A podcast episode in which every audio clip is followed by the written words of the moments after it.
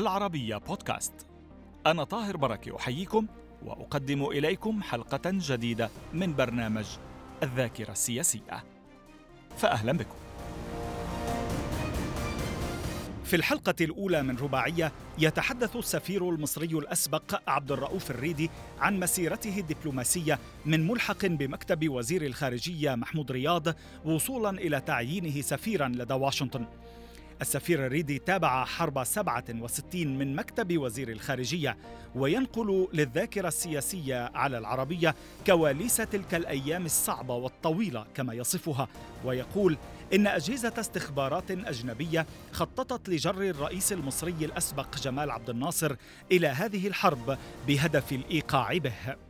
ويقارن السفير عبد الرؤوف الريدي بين حرب 67 وحرب 73 فيشير إلى أن الرئيس أنور السادات بعكس عبد الناصر باغت الإسرائيليين بالضربة الأولى وهو ما جعله في موقع أقوى. ويروي الريدي من أروقة الأمم المتحدة هذه المرة مسار حرب 73 وكيف انقلبت الدفة لصالح مصر وكيف أرغم السادات الولايات المتحدة على تبديل أولوياتها والاهتمام مجددا بالشرق الأوسط بعدما كان اهتمامها منصبا على فيتنام وأوروبا. ونوه السفير الريدي ببطولة أبناء السويس في التصدي لمحاولات المدرعات الإسرائيلية التقدم إلى عمق الأراضي المصرية.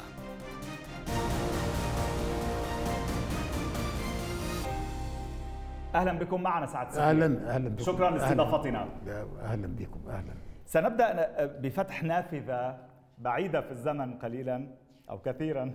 مؤتمر قمة نيو دلهي 66 أكتوبر. كنت تجلس خلف الرئيس المصري الأسبق جمال عبد الناصر ووزير خارجيته آنذاك محمود رياض. لتسمع حوارا دار بين الرجلين صراحة استوقفنا ونريد أن نبدأ به هذه الحلقات.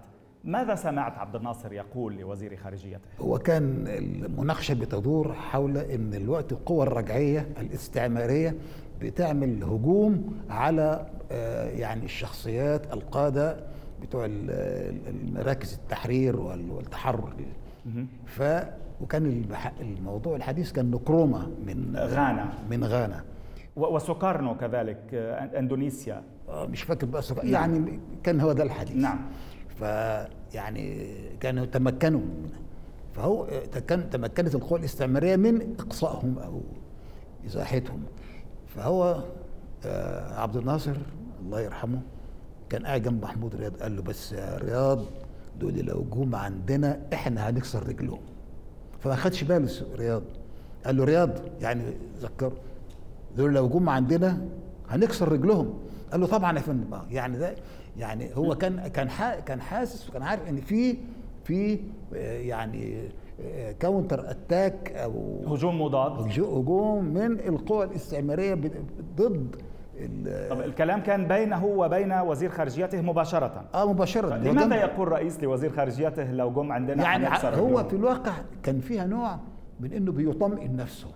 سعادة السفير على كل تلك القمة اللي جمعت عبد الناصر بتيتو في نيودلهي كانت وإنديرا غاندي. كانت لدعم إنديرا غاندي بعد وفاة والدها آه، جواهر لال نهرو. وجاءت شهورا قبل حرب 67 حرب النكسة الشهيرة. كانت نوفمبر على ما أذكر 66 اللي عايشت تفاصيلها أي النكسة آه. أو كل تفاصيلها بالأحرى منذ صبيحتها. اروي لنا قصة 67 كيف عاصرتها؟ لا أنا عاصرتها طبعا من من البداية إنما هي قصة 67 أساسا أنها مؤامرة. مؤامرة لاصطياد أنا سميته الديك الرومي لأن هو كان ده الكود نيم بتاعه في اصطياد عبد الناصر للإيقاع بعبد الناصر.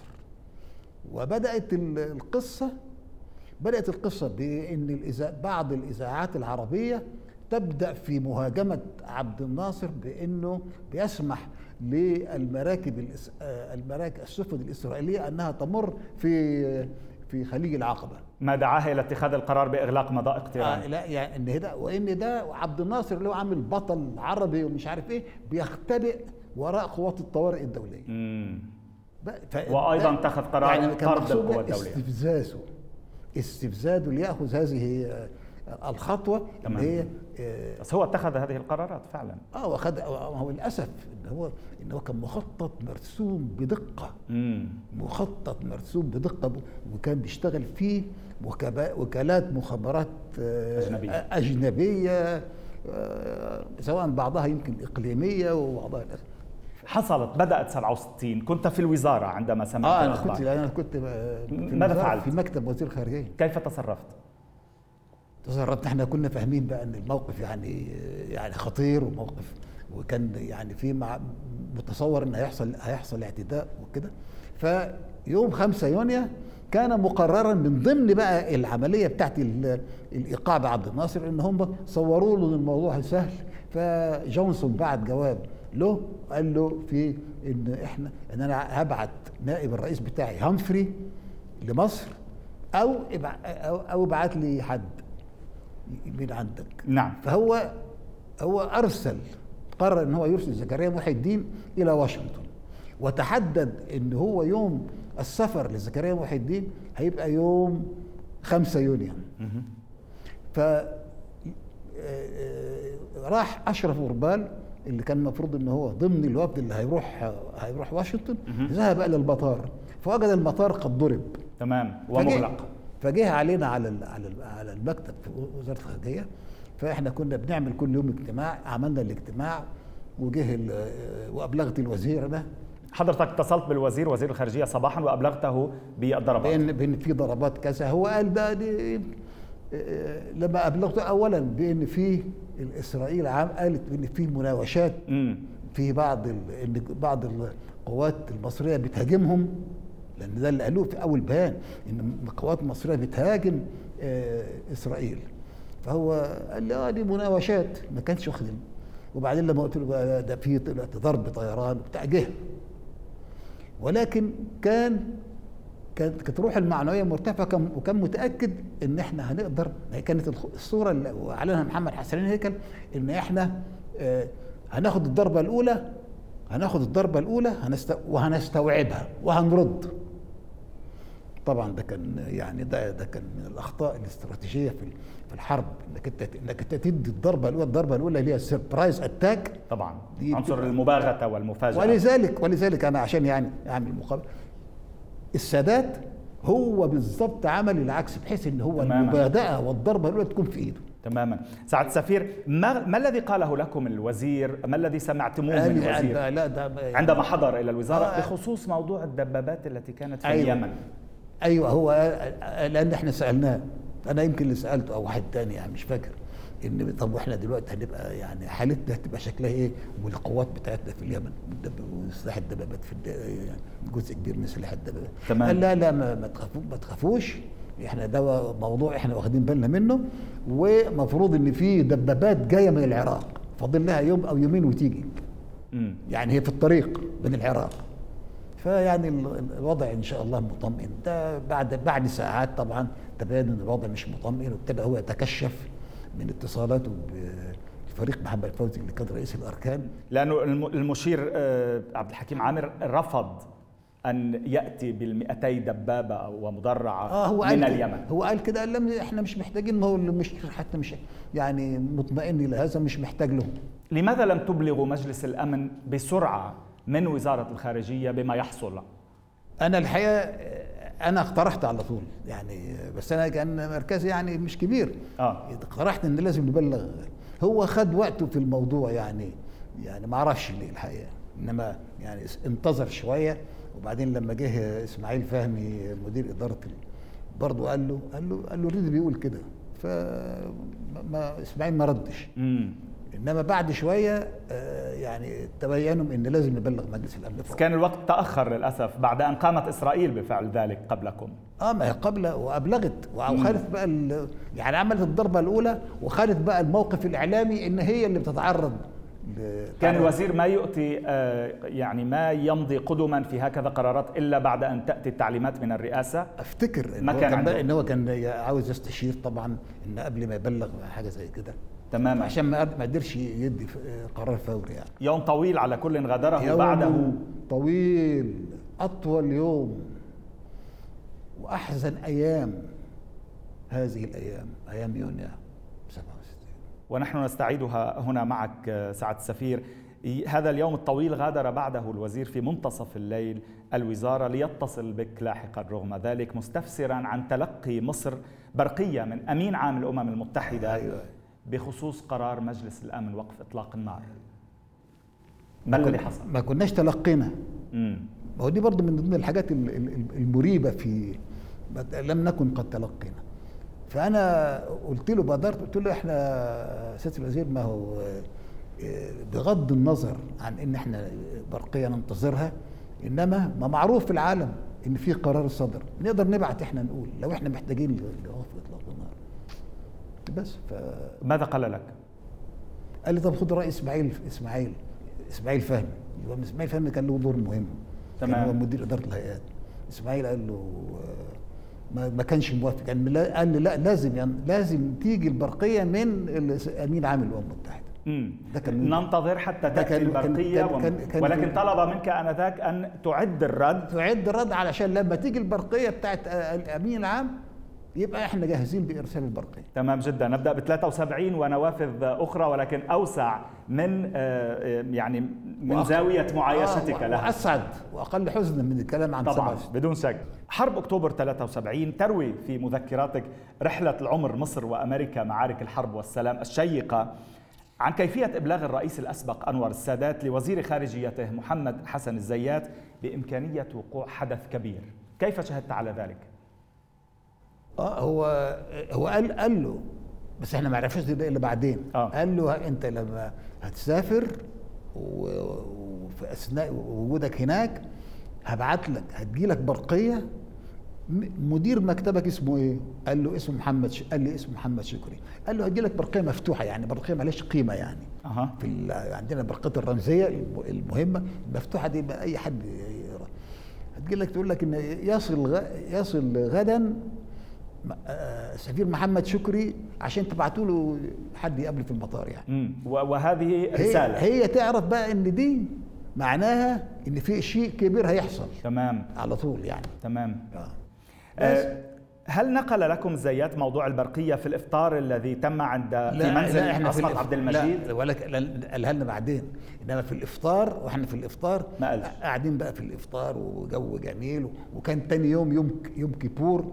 وهو قاعد يقول عيد الغفران اليهودي آه عيد الغفران يوم كيبور مش عارف.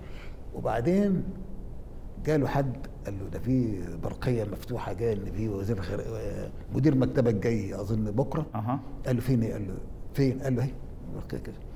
قال آه طيب. ما ما قالش حاجة.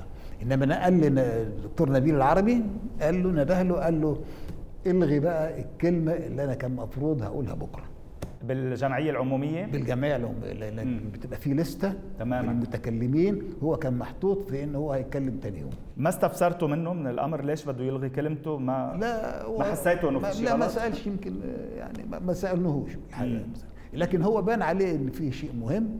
وبعدين هو ماشي بقى خارج بيسلم علينا. كل سنة وأنتم طيبين يوم يوم كيبور. يعني هو أصلا ممازحا يعني. كان عنده sense of humor الله آه. يرحمه محمد حسن. حس الفكاهة يعني. المعهود يعني بمصر. كان شخصية جميلة جدا. صباح اليوم التالي سعادة السفير اتصل بك آه، عمرو موسى مع حفظ الألقاب. هو قال لي لا تلقبني بشيء قول عمرو موسى فقط. ف... أنا بقول لك برضه عبد الرؤوف الريدي كده يعني. حاضر. وهو بنفس الفندق معك ليبلغك بنشوب المعارك لتذهب بعدها إلى مقر البعثة. ما الذي حصل هناك؟ آه قال لي ده ده موضوع كبير قوي اللي حاصل ده على فكرة والدكتور الزيات عامل عامل لقاء في البعثة ف ومطلوب إن إحنا جميعا نبقى في البعثة طيب بس فروح لما وصلتوا شو سمعتوا من الزيات؟ شو سمعتوا من يعني لقاءات واتصالاته آه بكيسنجر؟ هو بقى آه اتصل به كيسنجر أيوه وقال له يعني انت في كلام على إن أنتوا عاملين عاملين حاجة وبتاع وأنا يعني بقول لكم إذا كنتوا أنتوا عاملين كده عشان تبعتوا يعني رسالة مم. إن في شيء خطير ولازم نتحرك ما قبل كده كان قال لهم ملف الشرق الأوسط أنا مش هفتحه لغاية ما أخلص الملف فيتنام. أيوه. فقالوا يعني ما معناه كان في تركيز على أوروبا كمان بهذيك آه السنة. أو أوروبا. انما إنما يعني معناه إن هو دلوقتي هنبص بقى في الملف بتاع الشرق الأوسط. ما معناه كده يعني. ده آه. المعنى؟ يعني الحرب غيرت دفة الاهتمام أيوة الأمريكي. طبعا. آه. غيرت دفه بس. تمام. سعد سفير بعد ذلك طلب منك محمد حسن الزيات إعداد بيان بالإنجليزية لتغيير لهجة الخطاب الرسمي آه لا خطاب جديد. آه. آه وكان ما فيش وقت. حقيقة. شو ملامح الخطاب الجديد اللي كنتوا بدكم لا أنا لا ما هو قال لي اكتب بقى على طول. فبصراحة أنا اللي جه في في بالي على طول أبناؤنا. our our our young people أو our forces قواتنا. have crossed the Suez Canal to liberate part of our fatherland. إذا القوات عبرت القناة لكي تحرر الأرض. لكي لكي تحرر جزءا من الأرض المحتلة. وليس لتصد الهجوم فقط كما كان الخطاب عاده موقف الدفاعي وبعدين فيها ناحية emotional آه وكتبتها وكان بسرعة يعني. قال لي طيب قاعد بقى قال لي لا لا بس تعالى معايا. وخلاص ورحنا رحت معاه في العربية دخلنا في الأمم المتحدة. يا دوب طلعنا على السلم بتاع الإسكليتر ده لقينا الصحفيين كلهم بقى في انتظاره. لفتني قولك في الكتاب إن الزيات كان سعيدا في الثامن من أكتوبر بعد يومين من آه. الحرب. آه. عندما انعقد مجلس الأمن لأنه كان يجلس في مقعد المشكو منه هذه أيوة المرة مزبوط. وليس الشاكي. آه إحنا دايما كنا إحنا اللي شاكيين. فالدور ده نحن مشكون مشكو منا. أها. فبس ف... كيف كيف لمست ذلك؟ كيف شعرت؟ بفرحته أو لا طبعا كانت أيام كلها فرحة والأمم المتحدة كلها القاعه اللي بيبقى فيها المندوبين مبروك ومبروك والدول الأفريقية بتقطع العلاقات الدبلوماسية بينها وبين إسرائيل يوميا. كانت أزهى أيام. ولكن تغيرت الأمور قليلا في 21 أكتوبر.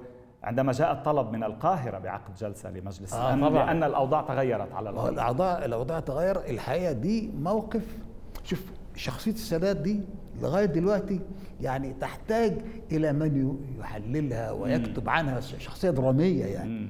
لأن لأن هو هو وجد يوم 21 أكتوبر وأنا نيكسون لما قابلته بعد كده قال لي قال لي إن بعدها بعد ما خرج بعدما تقاعد هو صحيح. آه وقال لي قال لي جولدا came to me وقالت وقالت لي جولدا مائير. آه جولدا مائير يعني قالت لي إحنا في حالة سيئة جدا اعمل لنا.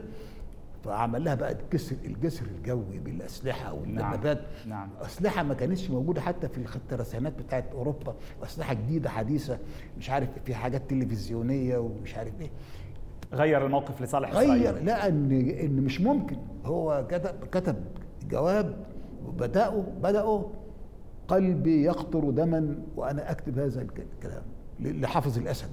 قال له أنا لا أستطيع إن أنا أفضل مستمر في الحرب أحارب فيها أمريكا. ما أقدرش لأن لأن لن أقبل على نفسي إن تدمر القوات لأن بالأسلحة هذا في رحلة البحث عن الذات؟ في رحلة البحث عن الذات. كتاب وسيرته في كتابه هتلاقي فيه العبارة. دي فقرر إن هو يقبل وبعدين اتفق بقى القرار اللي طلع من مجلس الأمن بإن يبقى تبقى الخطوط اللي كانت موجودة يوم 22 أكتوبر. هي ده خط بعد كده طبعا كيسنجر راح برسالة من نيكسون عشان عشان يعني يشتغلوا سوا هم والاتحاد السوفيتي صحيح. من أجل هو هنا واجتمعوا ببرجنيف هنا لعبوا لعب كيسنجر لعب دور خطير جدا. الجواب اللي عطوه اللي عطوه له نيكسون لم يسلموا لقيادة الاتحاد السوفيتي إلا في الآخر اللي هو ماشي هو ماشي. لأن فضل فضل هو نيكسون كان أيامها يعني وحلان زي ما بنقول يعني أو غارق في الوحول بسبب غارق الفضيحة. غارق في قضية آه ووتر جيت ووتر جيت فهو كيسنجر ملأ هذا الفراغ وبقى هو اللي يتصرف بقى هو اللي يتصرف.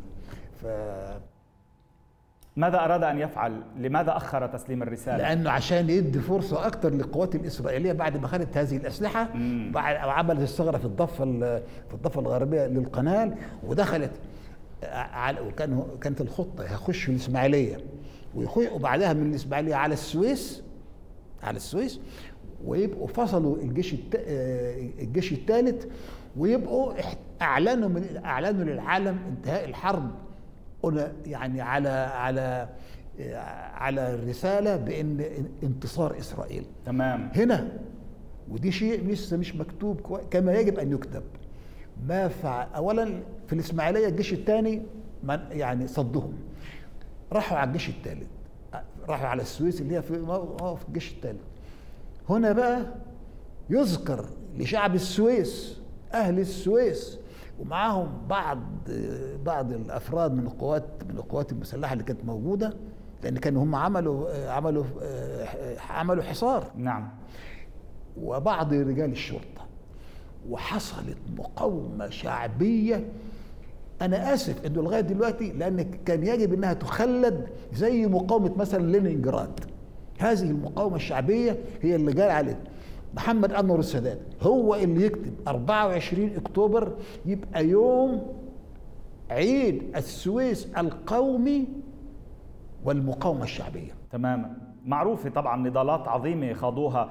أهل السويس؟ ولكن الجيش الثالث يعني حوصر. حوصر. صار في مطالبات رسمية من مصر طبعا. لمده بالغذاء والدواء. لا لا لا ما هو اللي حصل بقى إيه؟ هنا بقى السادات هو طبعا أنا هقول لك على حاجة يعني سوري يعني الزيات اللي هو وزير خارجية أخطأ خطأ يعني كبير. تكتيكي كبير. م. إنه بقي في نيويورك والحرب قائمة. وهذا تعتبره خطأ بحد آه. ذاته. آه خطأ له. لأنه أنت وزير خارجية وهو قال لي تعال تعال منظور عبد الحليم خدام قبل كلام أه. يوم الكلام ده يمكن كان 7 أكتوبر وزير الخارجيه السوري. وزير الخارجيه السورية. فرحنا له فعبد الحليم خدام قال له أنا مسافر بكرة قال له مسافر فين؟ قال له رايح دمشق رايح الشام واخد بالك عشان أكون جنب الرئيس حافظ مم. فقال له ده الشغل كله هيبقى هنا في الأمم المتحدة هنا بقى إيه؟ قياسا على ما حدث سنة 56 أه. إزاي تصور إن إن الحل بتاع المشكلة دي أو الحرب دي هيبقى في الأمم المتحدة فلازم يكون موجود. قارنها بالعدوان الثلاثي. بينما حسب الحقيقة كانت مختلفة هذه مختلفة. ليه بقى؟ في العدوان الثلاثي الأمم المتحدة كان لها دور في في الحل في الموضوع بتاع حرب أكتوبر كانت أمريكا. وتبين السادات طبعا اللي هو متبين عمل إيه؟ لما لقى إن الموقف بقى يعني كريتيكال وبقى دقيق أرسل إسماعيل فهمي. إسماعيل فهمي كان يومها وزير خارجية بالنيابة. بالنيابة. راح قابل نيكسون. وربنا وفقه إسماعيل فهمي في في هذا اللقاء وعمل وعمل شغل كويس جدا. وكيسنجر جه وعملوا عملوا الاتفاق علشان يعني الإمدادات تروح للجيش الثالث المحاصر. الجيش الثالث اللي هو كان تمام. آه. هل دخل السادات الحرب منذ البداية لكي يفاوض ويذهب إلى ما عرف لاحقا بكام ديفيد ويعقد معاهدة السلام أو أنه غير رأيه بعد ما حصل على الأرض ولم يرد أو يشأ لمصر أن تحصل فيها نكسة أخرى كما 67 شوف السادات انت تقرأ اشرت انت للبحث عن الذات. نعم. الخطاب التكليف الذي وجهه لاحمد إسماعيل. قال له علشان نتحدى ونكسر نظرية الأمن الإسرائيلية. ويعني ويبقى الهدف طبعا الكبير مش فاكر بالظبط القرار لكن لكن هو كان هدفه أساسا إن هو يعبر ويغير من خلال هذا العبور الموقف على على الأرض. ما يمهد لشيء ما لاحق ما, يعني. ما يمهد. لكن هو وصل إلى أكثر ما كان يتصور آه الآخرين وقولوا آه الإنجليز. يوم أظن 10 أو 11 أكتوبر قالوا له نعمل وقف إطلاق النار in place بحيث إن وكانت المكان اللي وصلت له القوات. آه وكانت القوات بتاعتنا already في في الشرق. مم. ما كانش ما كانش عملوا الثغرة. هو قال لا لازم يحصل آه وقف آه وقف النار بعد ما بعد ما يبقى في اتفاق على تحرير الأراضي العربية كلها. ده كان too يعني شوية too much too too too much شوية. يعني. كثير انذاك وإحنا لما قرينا البرقية بالقناه وإحنا في البعثة قلنا يعني ما كان يقبل وكان كان بقى كويس يعني. تمام. طبعا تبين بعد ذلك لما هم عملوا لما راحت بقى جولدا لنيكسون وقالت له save Israel أنقذ إسرائيل. انقذ أنقذ حتى إسرائيل. تحرك الأمريكيون لمساعدته وكيسنجر بقى لعب دور والكب والجسر الجوي تغير الموقف. سعد سفير نتابع وإياك في بداية الحلقة المقبلة. إن شاء الله شكرا لوجودك معنا مجددا. شكرا. نتابع وإياكم مع سعد السفير عبد الرؤوف الريدي السفير المصري الأسبق في واشنطن في بداية الحلقة المقبلة. إلى اللقاء.